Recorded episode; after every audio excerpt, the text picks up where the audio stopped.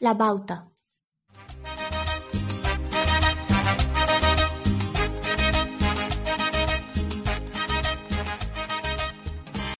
La storia che vi racconterò è avvenuta nello XVI secolo ed io, la luna, ho visto tutto con i miei occhi.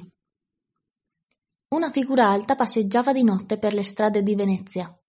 Vestiva un mantello nero, un tricorno anche nero ed una maschera bianca che gli copriva tutto il volto, meno il mento.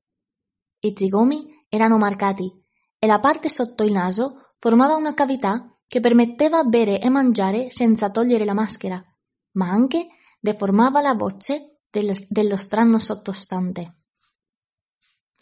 Dalla descrizione si potrebbe pensare che siamo a carnevale, ma la bauta, così è chiamata questa maschera, è l'unica che poteva essere usata anche fuori di quelle date.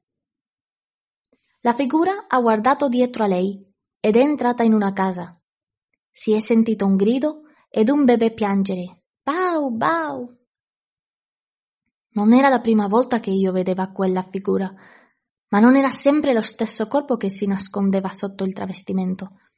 Uomini, donne, ricci e poveri, aristocratici e streghe la bauta è stata l'unica maschera che veramente ha occultato l'identità di quelli che l'hanno portata.